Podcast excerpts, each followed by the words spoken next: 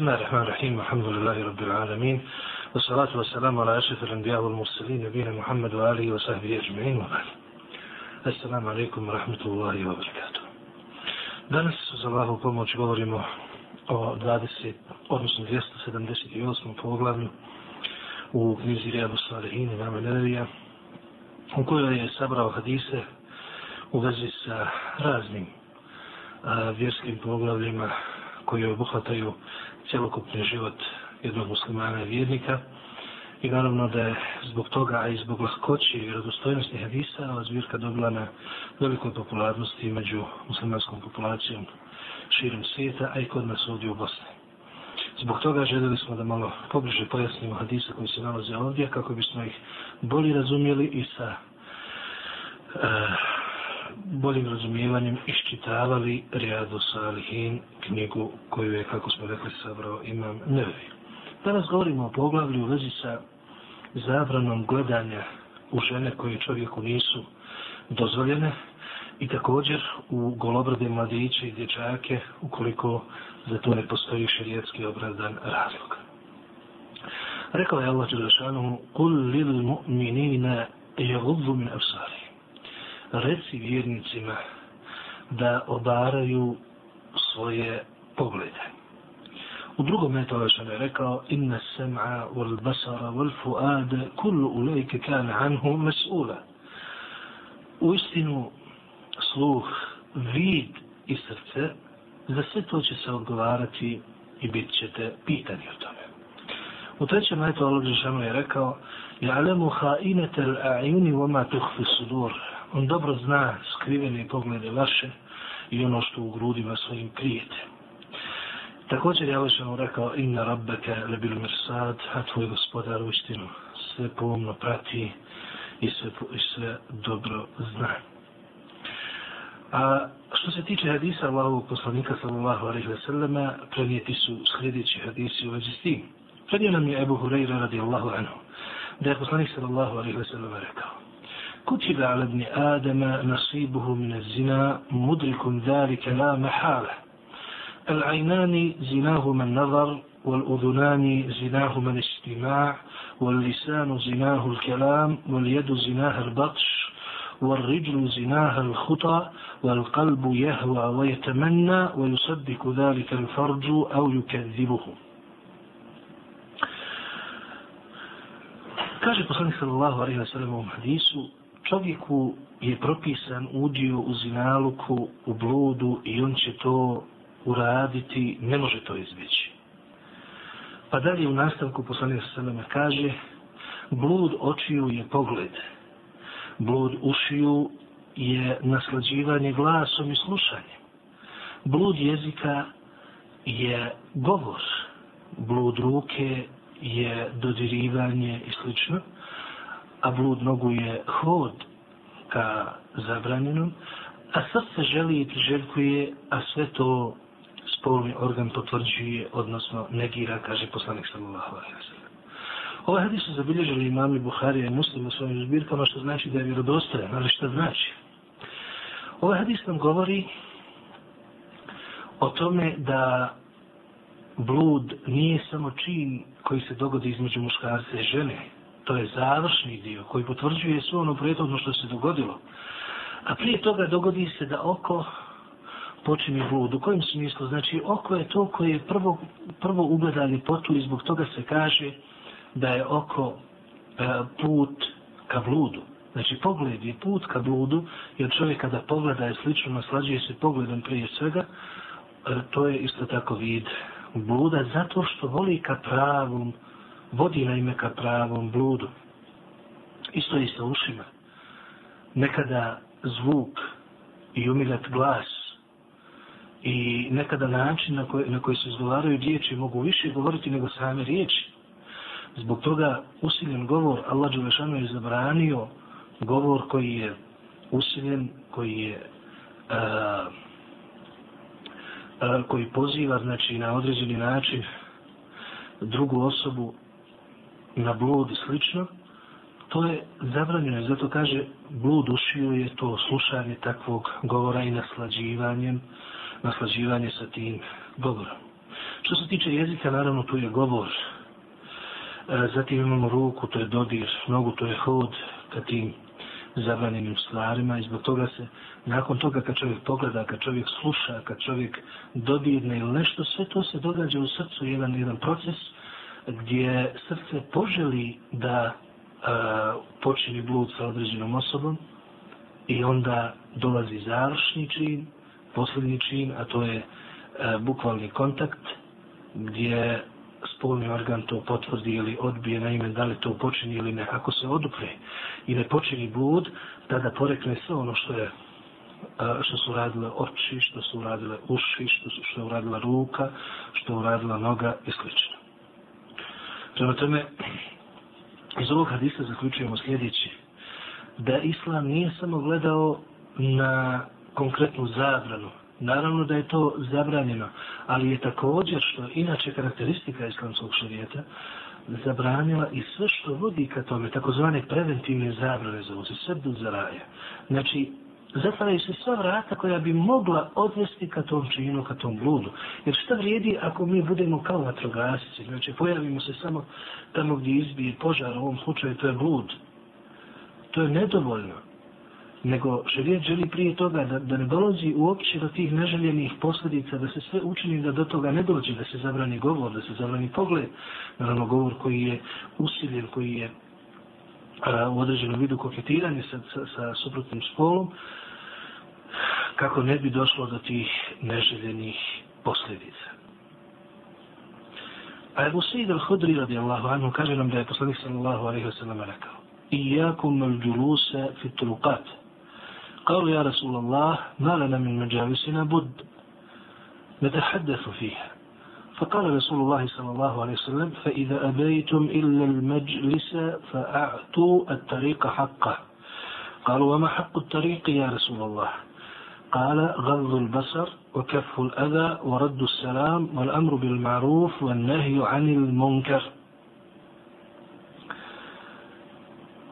Poslanik sallallahu alaihi wa sallam ovdje je rekao ashabima, klonite se sjedinja po putevima. Kažu učenjaci, to je najsličnije ovome što se dešava danas takozvane avlije. Znači da se niko nije sjedio na pol puta baš, nego obično e, E, sjedili su ispred svojih kuća, a tu su bili putevi, prolazili sokaci i tako dalje. Znači, danas možemo reći da su to da su to avlije. A onda se sad rekli, Allah poslanče, pa mi moramo sjediti. Znači, razgovaramo tako, susrećemo se, razmjenjujemo, e, znači, stanje naša, kako smo, jesmo zdravi, jer bolesni je ozdravio i tako dalje. Pa poslanik sam sada reče, ako baš morate, onda dajte putu njegovo pravo. Znači, zar je moguće da postoji, da ima postoji prava puta? Uz ovog hadisa vidimo da postoji, znači, svaki dio čovjekovog života islam je na najljepši način uredio, tako da putnici, prolaznici koji idu u javnim putevima ne osjećaju se nimalo nelagodno kada prolaze i oni imaju svoja prava. Pa su pitali, ah, koja su to prava puta? Allaho posloviće kaže da oborite pogled. Znači da ne zurite u osobu koja prolazi, jer nekad čovjek kada prođe nekim putevima, a recimo pored puta neko sjedi, neko društvo i slično, dogodi se nekad da on zbilja osjeća poglede od kako je krenuo tim putem, pa dok ne izađe iz njihovog vidokruga, osjeća poglede tih ljudi na sebi. To nije lijepo, to je vid zijeta, vid uzmemiravanja osobe koja prolazi putem, a ona ima pravo da prođe tim putem a mi nemamo pravo da uznemiravamo oni koji prolaze tim putem, ni na kakav način. Ni riječima, ni dijelima, ni gestovima, ni bilo čim. Znači, oboriti pogled kada prođe, ukloniti neprijatnosti, znači to što se mi nalazimo na putu i na javnom putu, ne bismo trebali uznemiravati druge. Naj izraženiji vid uznemiravanja drugih danas je ostavljanje automobila na, na, na putu tačno. Naročito tamo gdje nisu, gdje nisu regulisani ti dijelovi, pa nađeš nekada da, da čovjek parkira se ili razgovara s nekim, dok drugi ljudi ne mogu proći, zadržava ih, što je vidu znamirenja za njih. Prema tome ne bismo to trebali raditi i trebamo dati pravo drugih na tom putu, na tom javnom putu koji je, e, koji je za dobrobit svih koji prolaze tim putem. Također danas imamo problem jedan možda sa smećem, jer je smeće vid uznemirenja. Drugi, treći jedan vid uznemirenja, naročito u selskim područjima, na selima, primjetno je da ljudi uzurpiraju prava puta tako što svoju ogradu ili, ili nešto što što je njihovo pomjere tačno do puta, pa nekada čak uzmu i dio puta sve s namjerom da zaštite svoj dio zemljišta i na taj način sužavaju put automobilima, prolaznicima, ljudima ili Eh, kolima koja, koja prevoze ta dobra koja imamo poput sjena i slično. Znači, i to je vid uzurpiranja i uznemiravanja puta. Znači, uznemiravaju se ljudi koji tu prolaze jer ne mogu s mirom proći. Moraddu selam i odgovoriti na selam. Znači, kada nam neko nazove selam, da mu se odgovori. Pa čak ulazi tu i pozdrav, ako nas neko pozdravi i kaže nam kako ste i slično, da i kažemo da odgovorimo, da se ispitamo, kako to kaže naš narod, u najmanju ruku u onolikoj mjeri koliko a, budemo upitani. Dalje, ul amru bil marufa nehju anil munkar, da na tom putu postičemo na činjenje dobre.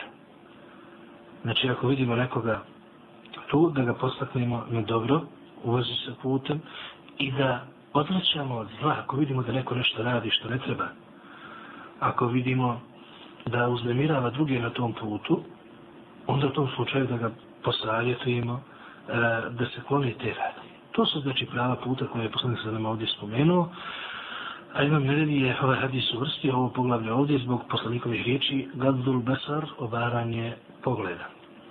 A Ebu Talha Zaid ibn Sahl radijallahu anhu kaže nam كنا قعودا بالأفنية نتحدث فيها فجاء رسول الله صلى الله عليه وسلم فقام علينا فقال ما لكم ولمجالس السعدات السعودات. اجتنبوا مجالس السعودات. فقلنا إنما قعدنا لغير ما بأس قعدنا نتذاكر ونتحدث. قال إما لا فأدوا حقها غض البصر ورد السلام وحسن الكلام وهو مسلم من روايته koji nam je premio Ebu Talha Zaid ibn Sahab radijallahu anhu, kaže poslanik sallam, odnosno kaže o sahabi da su oni sjedili u svojim avlijama. Znači ispred, ispred kuća, a, pa je poslanik sallallahu alaihi wa sallam stao iznad njih i rekao im, zašto sjedite na putevima? Znači, zašto sedite tu pored puteva, e, te na taj način druge uznemiravate? Potom se nam kaže, klonite se sjedinja po putevima. Znači, ili si negdje e, gdje je udaljeno od puta, ili u svojim kućama sjedite. Pa, pa, pa smo rekli, kaže Osabi ovdje, mi smo sjeli ovdje, nismo nikog uznemirali, nismo ništa loše uradili, mi se prisjećamo, govorimo znači, o ajetima, hadisima, o prošlim događajima i razgovaramo znači, o našim ljudskim problemima i potrebama. Pa je poslanik sallallahu alaihi sallam rekao, ako baš hoćete, znači ako nećete da, da se udaljite s puta, pa onda dajte putu njegovo pravo. A to je da oborite pogled, odgovorite na selam i da lijepo govorite i pričate. Ovdje nam u novom rivajetu dolazi jedan novi adab, šesti na, na, na ono što smo gore navjeli, a to je lijep govor. Iz toga razumijemo da bilo kakav ružan govor na javnom mjestu na javnim putevima nije poželjan u islamu i treba ga izbjeći maksimalno. U te e, ružne govore, pardon, koji nisu u skladu sa lijepim govorom, tada je što često možemo vidjeti određene svađe, pa nekada i među supružnicima ili nekakvi nepodobni znači izrazi lica ili vika i tako dalje. Često se dešava to i sa djecom, znači ponekad viče se na njih ili veoma ružno vidjeti kada recimo djeca, dje, djeca se tuku ili e, roditelji tuku djecu baš e, na ulici, veoma se neugodno osjećaju prolaznici tada i slično, znači sve to treba izbjeći, za sve to nalazi se kuća koja je i određena za te stvari. A Jerry radijallahu anhu kaže nam Sajaltu Rasulullahi sallallahu alaihi sallam an nadari li fajđa fakara isrif basarak. Kaže nam Jerry radijallahu anhu da je on upitao Allahovog poslanika sallallahu alaihi wa sallam šta kaže za iznenadni pogled. Znači čovjek ne putem i iznenada ugleda ženu e, šta da uradi. Pa mu poslanik kaže obori svoj pogled. Znači, skreni ga lijevo ili desno, ili obori ga i tako dalje.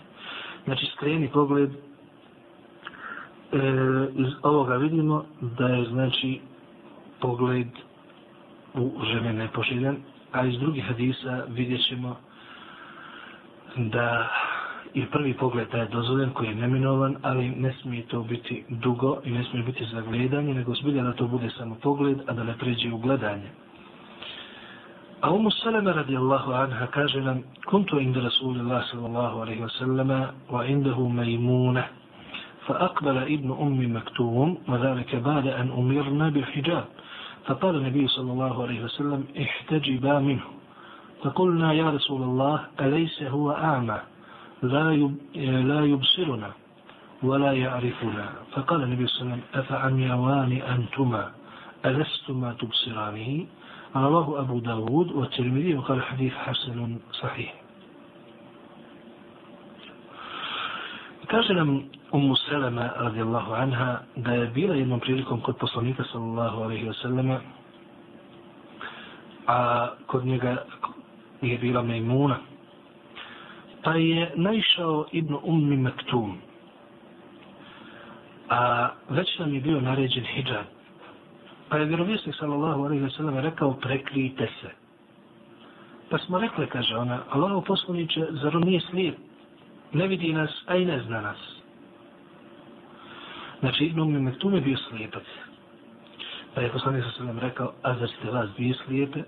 Zar, zar vi njega ne vidite? Ovo nam je premio Abu Dawud i Tirmizi kaže Hasan Sahih. Međutim, kažu učenjaci, ovaj hadis je slab. Znači, slabog je lanca prenosilaca, a također i u njegovom tekstu postoje određeni propusti koji su jasni onima koji dobro poznaju šarijatske propise i šarijatske ciljeve sa propisima. Prema tome, ne može se uzeti kao dokaz a, za ovo, tako da žena ukoliko ne postoji a, mogućnost da je vidi, nema smetnje i ne mora se, nije dužna pokrivati se. A Ebu Sa'id radijallahu anhu kaže nam da je poslanik sallallahu alaihi wa sallam rekao La yanzuru ređulu ila aurati ređul, wala mar'atu ila aurati mar'a. ولا يفضي الرجل إلى الرجل في ثوب واحد ولا تفضي المرأة إلى المرأة في ثوب الواحد kaže nam Ebu Sa'id da je poslanik sallam rekao neka muškarac ne gleda u stidna mjesta drugog muškarca i neka žene ne gledaju u stidna mjesta drugih žena i neka muškarac ne spava sa drugim muškarcom pod jednim pokrivačem bez odjeći.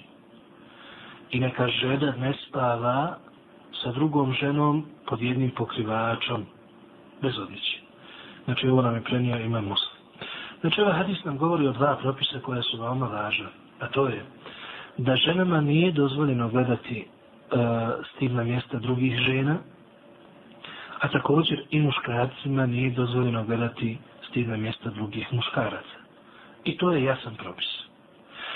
A što se tiče drugog propisa, to je u vezi sa spavanjem koji ima za, ist, za, za cilj isti, istu stvar, a to je da spriječi bilo kakav vid, bilo kakav vid e, nemorala i slično, a to je da, da dva muškarca zajedno pod istim pokrivačem, znači e, E, spavaju i dvije žene pod istim pokrivačem zajedno također spavaju. Jer danas je i naučno potvrđeno da dodir e, ima poseban utjecaj na, na, na čovjeka, e, makakav bio, znači, utječe na njegovu psihu, na njegovo ponašanje, na hormone i tako dalje. U svakom slučaju, i ova zabrana je jasna. Svi ovih ajeti koje smo naveli i ovih hadisi govore o sljedećem i pobliže nam pojašnjavaju, pojašnjavaju ajet u kojem je Allah Đelešanu rekao وَلَا تَحْرَبُ zina i nemojte se približavati bludu. Znači ajet nije rekao nemojte činiti blud. To je jasno da je zabranjeno.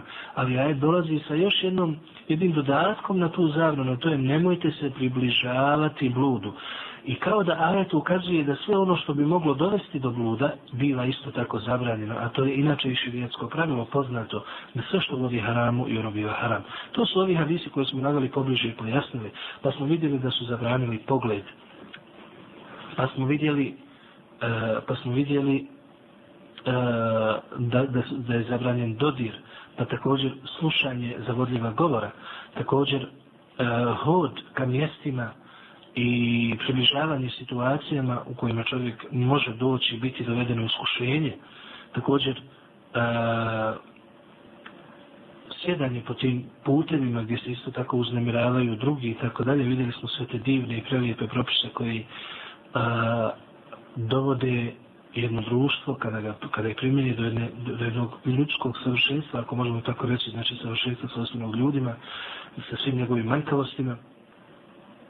E, tako da možete zamisliti na takvim mjestima gdje se ne uznemirava prolaznik ni riječju, ni dodirom, ništa i gdje se čuvaju svi e, da ne dođu uopće u situaciju da se približe bludu. To je jedna čistota, to je jedna jedna ljepota koju je poslanik sallallahu alejhi ve sallam donio sa svojim propisima za koga Allah dželle rekao: Oma arsilnake ila rahmeten lil alamin." A mi smo te poslali samo kao milost svjetovima. A u hadisu je poslanik sallallahu alejhi ve sallam rekao: "Inna ana rahmetun muhtatun." Ja sam samo poklonjena milost svim ljudima. Nakon govora o zabrani pogleda i slično, kaže imam nevevi, zabranjeno je također osanjivati se sa ženama koje čovjeku nisu rodbina ili supruga. Rekao je Allah Đelešanu, da se altumuhunne meta'an, fesaluhunne min ura i hijab. Kada od njih tražite nešto, tražite to iza zastara. A Ukbe ibn Amir, radijallahu anhu, kaže nam da je poslanik sallallahu alaihi wa sallam rekao, iyakum med duhula ala nisa. فقال رجل من الأنصار أفرأيت الحمو قال الحمو الموت kaže poslanik sallallahu alejhi ve sellem u ovom hadisu ni pošto ne ulazite samim ženama Znači, kad su žene same u kući, ne ulazite kod njih. Pa je neki e, je rekao, a šta misliš o, o rodbini muža? Znači, žena je udata i sad rodbina muža, naravno, njegov brat ili slično, znači brat Amidžić i tako dalje, šta misliš o tome? Kaže, to je smrt za ženu. Znači, da nije dozvoljeno. Naravno, misli se na rodbinu muža koja nije e, ženi zabranjena ako uđe otac muža i slično, to nema nikakve smetnje. Ali kao što je brat muža, brat muža ženi nije zabranjen. I nakon e, njegove smrti oni mogu slobodno stupiti u brak. Prema tome ne bi smjeli da se osamljuju i ulazi želi kad je sama, muže, brat i druga, slično kao što je Amidžić i tako dalje. A Abdullah ibn Abbas radijallahu anhu kaže da je poslanik sallallahu alejhi ve sellem rekao la yakhluwanna ahadukum bi imra'a illa ma zi mahram. Nemojte ni pošto da se osamljivate sa ženama osim kada imaju sa sobom mahrama. Znači osobu koja će ih paziti i čuvati, a mahram je muška osoba koja je u ženi rod, kao što je otac, brat i slično, ili eventualno muž ako je udate. Iz ovoga vidimo jedan propis koji se često dešava, to je da žena kad je kod ljekara, ako već mora kod ljekara koji je muškarac, a, ne bi trebala da bude sama, nema potrebe da se osamljiva jer ljekar može izvršiti pregled iako neko bude prisutan, kao što je muž, brat, otac ili slično. Abu Rejta radijallahu anhu kaže nam لفصلك صلى الله عليه وسلم لك حرمة نساء المجاهدين على القاعدين كحرمة أمهاتهم. ما من رجل من القاعدين يخلف رجلا من المجاهدين في أهله فيخونه فيه من وقف له يوم القيامة فيأخذ من حسناته ما شاء حتى يرضى. ثم التفت إلينا رسول الله صلى الله عليه وسلم فقال ما ظنكم؟ Kaže poslanik sallallahu alaihi wa sallam žene onih koji se bore na Allahovom putu su za one koji, koji, koji su kod svojih kuća kao njihove majke. Znači, tako su zabranjene. I svaki čovjek koji ostane iza čovjeka koji je otišao u borbu da se brine o njegovoj porodici pa ga prevari, znači počinje blud sa, sa njegovom ženom, na kijametskom danu će taj čovjek stati i uzeti od njegovih dobrih dijela koliko hoće. Pa se poslanik za sveme okrenuo prema nama i rekao šta mislite. To jest, šta mislite, hoće li mu ostaviti ikakvo dobro djelo? Naravno da neće, jer tada će ljudi tražiti bilo kakvo dobro djelo, a ovom će biti dato da uzme dobre djela što hoće, znači uzet će sve i ostaće bez i jednog dobrog djela. To nam je zabilježio imam muslim. Znači, ovi hadisi govore da također da treba izbjeći sve što bi moglo odvesti do neželjenih posljedica. A, naročito treba vratiti pažnju na ljude koji se kreću okolo kao što je rodbina muža, ako su u istoj porodici i tako dalje, dva brata, a, rođaci i tako dalje. Treba obratiti pažnju da se vodi računa, da se ne osanuju, da ne budu da ne ulazi on kada je ona sama ili ona da ne ulazi kada je on sam, u najmanju ruku što ih može zavesiti, to je loš glas.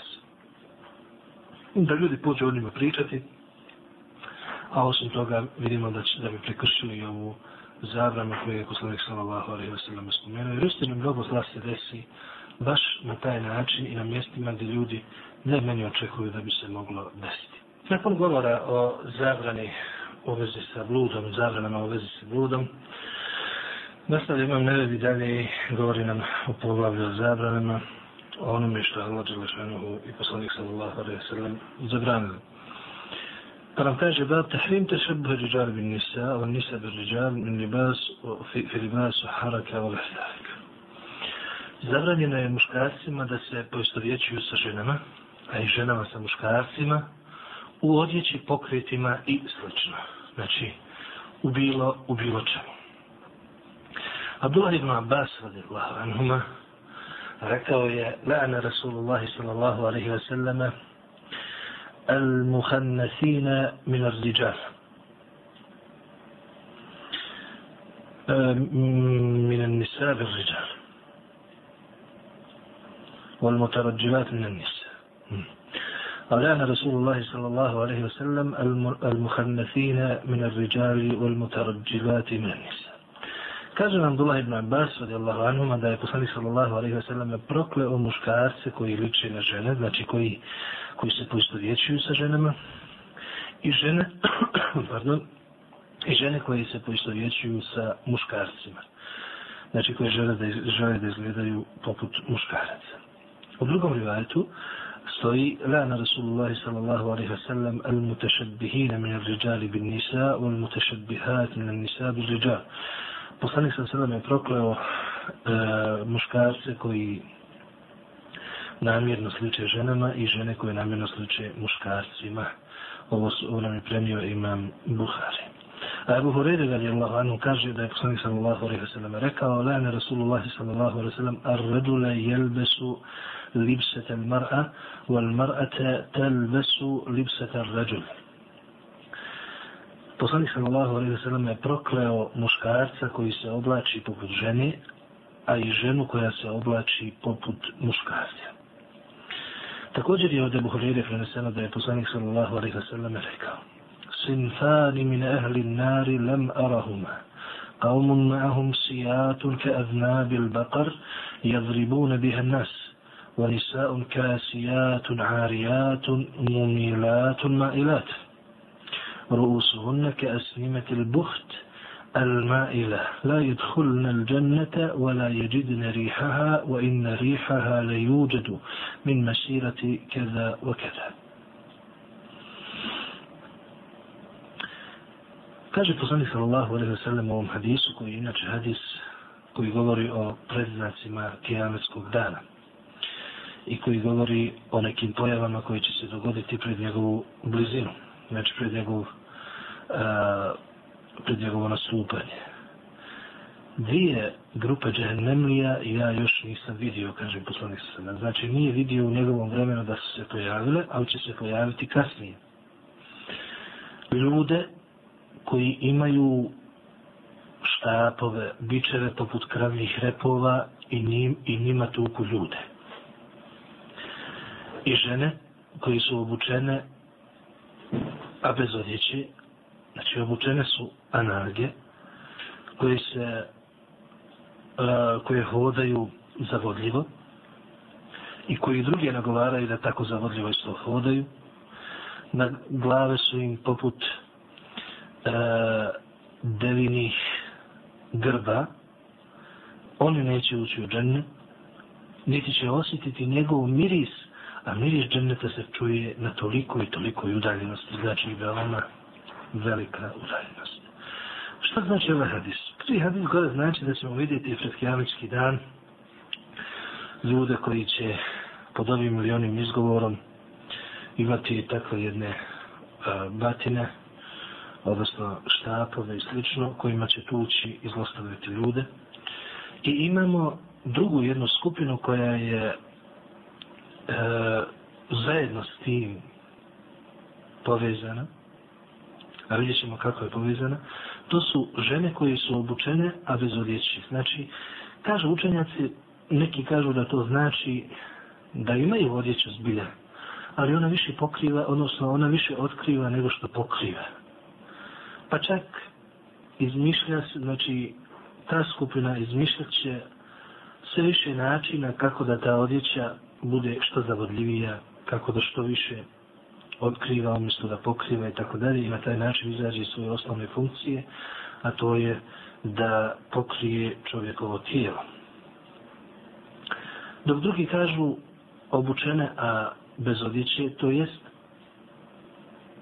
na ovome svijetu i radit će neka dobra djela, ali na onome svijetu će ostati bez nagrada zbog svojih postupaka i slično. Mumilat milatma ilat kažu učenjaci da to znači da su one zastranile i da su zalutale u pogledu Allahove pokorosti Allahu Đelešanhu, a također i drugi odvode sa pravog puta, dok drugi kažu da to znači da one hodaju na tako jedan zavodljiv način e, i druge na to podstiču, što je možda bliže samom kontekstu hadisa, zato što cijeli hadis govori o načinu na koji se one nose na, e, zavode ljude. Znači, oblače se, ali to više otkriva nego što pokriva, više zavodi e, i privlači nego što skriva i što treba da zaštiti ženu.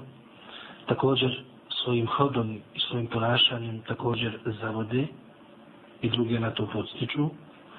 Zatim im opisuje glave, znači da će praviti, kako kažu neki učenjaci, frizure u obliku devinih grba raznih nekakvih oblika, da će imati te načine na koje šišaju kosu specifične, za koje, koji su poznati da to rade samo e, bludnice i žene koje su se odale prostituciji i tako dalje. Znači, ta, taj način koji je bio specifičan za njih, raširit će se među e, svim drugim, odnosno većinom drugih žena. Naravno da ovaj opis znači da je to nepoželjno i da bi trebalo to izbjeći. Neće ući, ući u džennet i neće osjetiti njegov miris, iako se on čuje na toliko i toliko. Znači, ovaj hadis je jedan od hadisa koji je koji govore o predznacima kijametskog dana, a drugo dokaz je istinitosti Allahovog poslanika sallallahu alaihi wasallam, jer on je to najavio, a to se u istinu dogodilo. I obećali smo da ćemo reći kakva je veza ove dvije skupine, jer kad poslanik sallallahu alaihi wasallam, odnosno prije toga Allah u Kur'anu nešto zajedno spomene, obično tu se nalazi neka veza, samo je treba vidjeti. Pa kaže učenjaci, zašto je baš poslanik sallallahu spomenuo ove dvije skupine u istom kontekstu, istom hadisu, Pa kažu, primjetno je da su one pojavile nekako usporedno. Zajedno. Jer kad su počeli ti ljudi koji nose ti šrafove slično, mnogi su to protumačili da, su, da je to nasilnička policija kod diktatorskih vlada i tako dalje. A pojava ove dvije skupine, znači primjetna je ako se pojavi na jednom mjestu da se pojavi i druga i slično. Tako da je to ta veza, a Allah Đelešanu najbolje zna.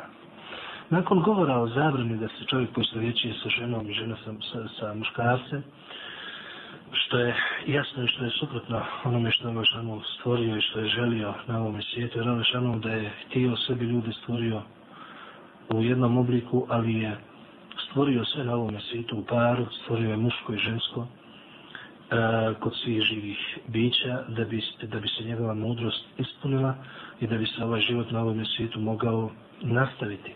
Sve suprotno tome izlazi iz tog okvira što je suprotno cilju, cilju stvaranja. I naravno i šeitan sam kada je u Koranu, kao što je u Koranu spomenuto, kada je protjeran iz dženneta, e, obećao je da će i zakleo se i zarekao se da će zavoditi Ademove potomke, pa između ostalog je spomenuo da će ih nagovarati da mijenjaju Allahu, znači izgled koji je Allah dao. Znači da mijenjaju izgled koji im je Allah dao, to se naravno podrazumijeva i ulazi pod to. Nakon toga, a, poslanik sa selama, odnosno imam nevevi prije toga, spominje nam poglavlje koje nam govori o zabrani poistovećivanja sa šeitanom i onima koji ne vjeruju u Allaha Đelešanu. Bab en nehi an tešebuh bi šeitan on kufar.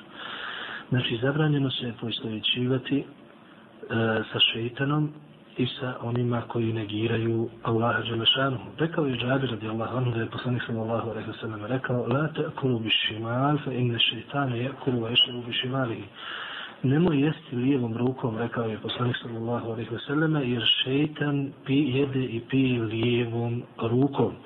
Znači, ovo nam je zabilježio ima muslim i vidimo iz ovoga, znači, da je zabranjeno postovećivati se sa šeitanom i vidimo iz ovoga da je, da je jeste lijevom rukom zabranjeno, a ne samo mekruh kao što kažu neki. Abdullah ibn Umar radijallahu anhuma kaže nam da je poslanik sallallahu alejhi ve sellem rekao la yakulanna ahadukum bi shimalihi wa la yashrabanna biha fa inna shaytana yakulu bi shimalihi wa yashrabu biha. Nemate ni pošto da jedete lijevom rukom ili da pijete lijevom rukom jer šejtan jede i pije lijevom rukom. To su znači dva hadisa koji nam govore o toj zabrani. Abu Hurajra nam prenosi da je poslanik sallallahu alejhi ve sellem rekao inna jehuda wa nasala i jesbihun fe khalifuhum i e, jevreji kršćani ne, a, e, ne stavljaju kanu na bradu i na kosu, a, a vi je stavite. Znači, ovim poslanik sallallahu želi da a, istakne i pored toga što je dobročinstvo naređeno prema svima i pored toga što su živjeli zajedno u Medini, ali poslanik sallallahu alaihi wa sallam želio da ipak muslimanima svoju posebnu ličnost u svemu kako bi e, bio od onih koji će ići naprijed u svakom sekundu, a poznato je to e, taj psihološki osjećaj da čovjek ako se poistovjeti sa nekim u svim, da ga na kraju pođe islijediti i zato ovdje taj propis. Nakon što imam nevi spomenuo da treba staviti e, kanu i obojiti kosu ili, i bradu, napominje nam novu zabranu i kaže zabranjeno je muškarcu i ženi zabranjeno je muškarcu i ženi da boje kosu u crno. Znači, farbanje kosu u crno je zabranjeno po imam reviju. Pa da vidimo hadis koji govori veze s tim. Kaže nam Džabir radijallahu anhu da je poslanik sallallahu alaihi wa sallama kada mu je doveden Ebu Kuhafa, valid Ebi Bekra Sidika radijallahu anhuma, يوم فتح مكة ورأسه ولحيته كالثغامة بياضا فقال الرسول صلى الله عليه وسلم غيروا هذا واجتنبوا الصلاة Znači, doveden je Abu Bekr otac Abu Kuhafa kada je poslanik sallam osvojio Mekku, a glava i brada su bili potpuno bijeli. Čak je naredno ovdje primjer jednog bijelog cvijeta koji se i, i, i ploda koji se navodi, koji je veoma bijeli, navodi se kao primjer za bijelinu. Pa je poslanik sallallahu alaihi wasallam rekao, promijenite mu tu boju, ali nemojte crnom, klonite se crne.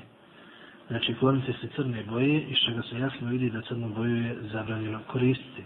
Naravno, ovdje može neko reći, dobro, to je za muškarce, spominje se. Međutim, ovdje hadis nije uistinu ograničio crnu boju samo na muškarce, znači da je, da je se trebaju oni kloniti, niti na stari, nego je uopšteno rekao očitani salat, a mi znamo širijesko pravilo koje glasi da se uvijek tekst E, tumači širim značenjem i da se ne ograničava bez razloga na povod izreke, odnosno povod objave. Znači uvijek se gleda šire značenje teksta i zbog toga naravno da je najispravnije mišljenje, mišljenje učenjaka kako i kažu da je farbanje crnom bojom uopšte zabranjeno. Smije boja biti tamna. Znači, dozvoljeno je ženi ili muškarcu da ofarba kosu ili bradu sa bojom koja nije crna, ali odnosi se na crno kao smeđa boja ili slično, čak da je pomiješa. Pa makar ona izgledala kao crna boja, ali mak su crna boja koja je samo zato to ne bi, ne bi trebalo. A Allah Đelešanovu nema jesna. Nastavlja dalje imam nevi kaže nam zabranjeno je šišati i brijati jedan dio glave, a drugi ostaviti. I zabra, dozvoljeno je e, ošišati cijelu glavu muškarcima, a ne ženama. Kaže Abdullah ibn Umar radijallahu anhuma, poslanik sallallahu alejhi ve sellem je zabranio al-qaza. Al-qaza to je da čovjek ošiša ili obrija jedan, obrije jedan dio glave, a da ostavi drugi dio glave. Znači, to ne može. A također je od Abdullah ibn Umar preneseno da je poslanik sallallahu alejhi ve sellem vidio dijete e, kome su obrijali jedan dio glave, a jedan dio ostavili, pa je poslanik sallallahu alejhi ve sellem je to zabranio i rekao ihnikuhu kulla, ovi će kuhu kulla. Obrijte sve ili ostavite sve. A Abdullah ibn Džafar radijallahu anhu kaže da je poslanik sallallahu alejhi ve sellem أمهل آل جعفر رضي الله عنه ثلاثا ثم أتاهم فقال لا تبكوا على أخي بعد اليوم ثم قال ادعوا لي بني أخي فجيء بنا كأن أفرخ فقال ادعوا لي الحلاق فأمره فحلق رؤوسنا رواه أبو داود بإسناد صحيح kada umro Džafar radijallahu anhu poslanik sallallahu alejhi ve sellem je njegovu porodicu ostavio da žali za njim tri dana potom je došao i rekao nemojte više plakati za mojim bratom e, nakon današnjih dana potom je pozvao i rekao pozovite mi djecu Džaferovu pa smo svi dovedeni kaže on bili smo poput e, E, pilića. Pa je rekao, pozovite mi e, Berberena, bricu, znači nekoga ko šiša, pa je naredio da nam e, ošiša kosu s glave, odnosno skine, skine kosu skroz. Ali Adjelan kaže da je Kusan se nam zabranio da žena obrije glavu skroz. To nam je zabilježio imam Nesaj. Ovi svi hadisi koji smo ovdje naveli u vezi sa ovim jasno govori da muškarac ne bi smio ošišati ili oskinuti jedan dio kose, a ostaviti drugi, nego da se šiša ravnomjerno, da ošiša e, sve ili da ne šiša ništa. A što se tiče žene, vidimo iz ovoga da je njoj zabranjeno da obrije kosu, obrije glavu i zbog toga a dozvoljeno je da se šiša. Znači, još šišati se može, u granicama koje su dozvoljene za ženu, a to je da ne liči na mušku frizuru, ne liči na, na, na frizure e, nemoralnih žena i tako dalje. Tako da u tom kontekstu može, ali ne smije obrijati kao što vidimo. Inače, ovo Ali Rade Allah ono rekao u kontekstu hađa, kada su pitali šta da radi žena koja je na hađu, da li ona da obrije glavu ili još više, onda je on rekao E, ženama je poslanik zabranio da obriju svoju glavu, što znači da samo treba ošišati dio svoje kose. A Allah najbolje zna.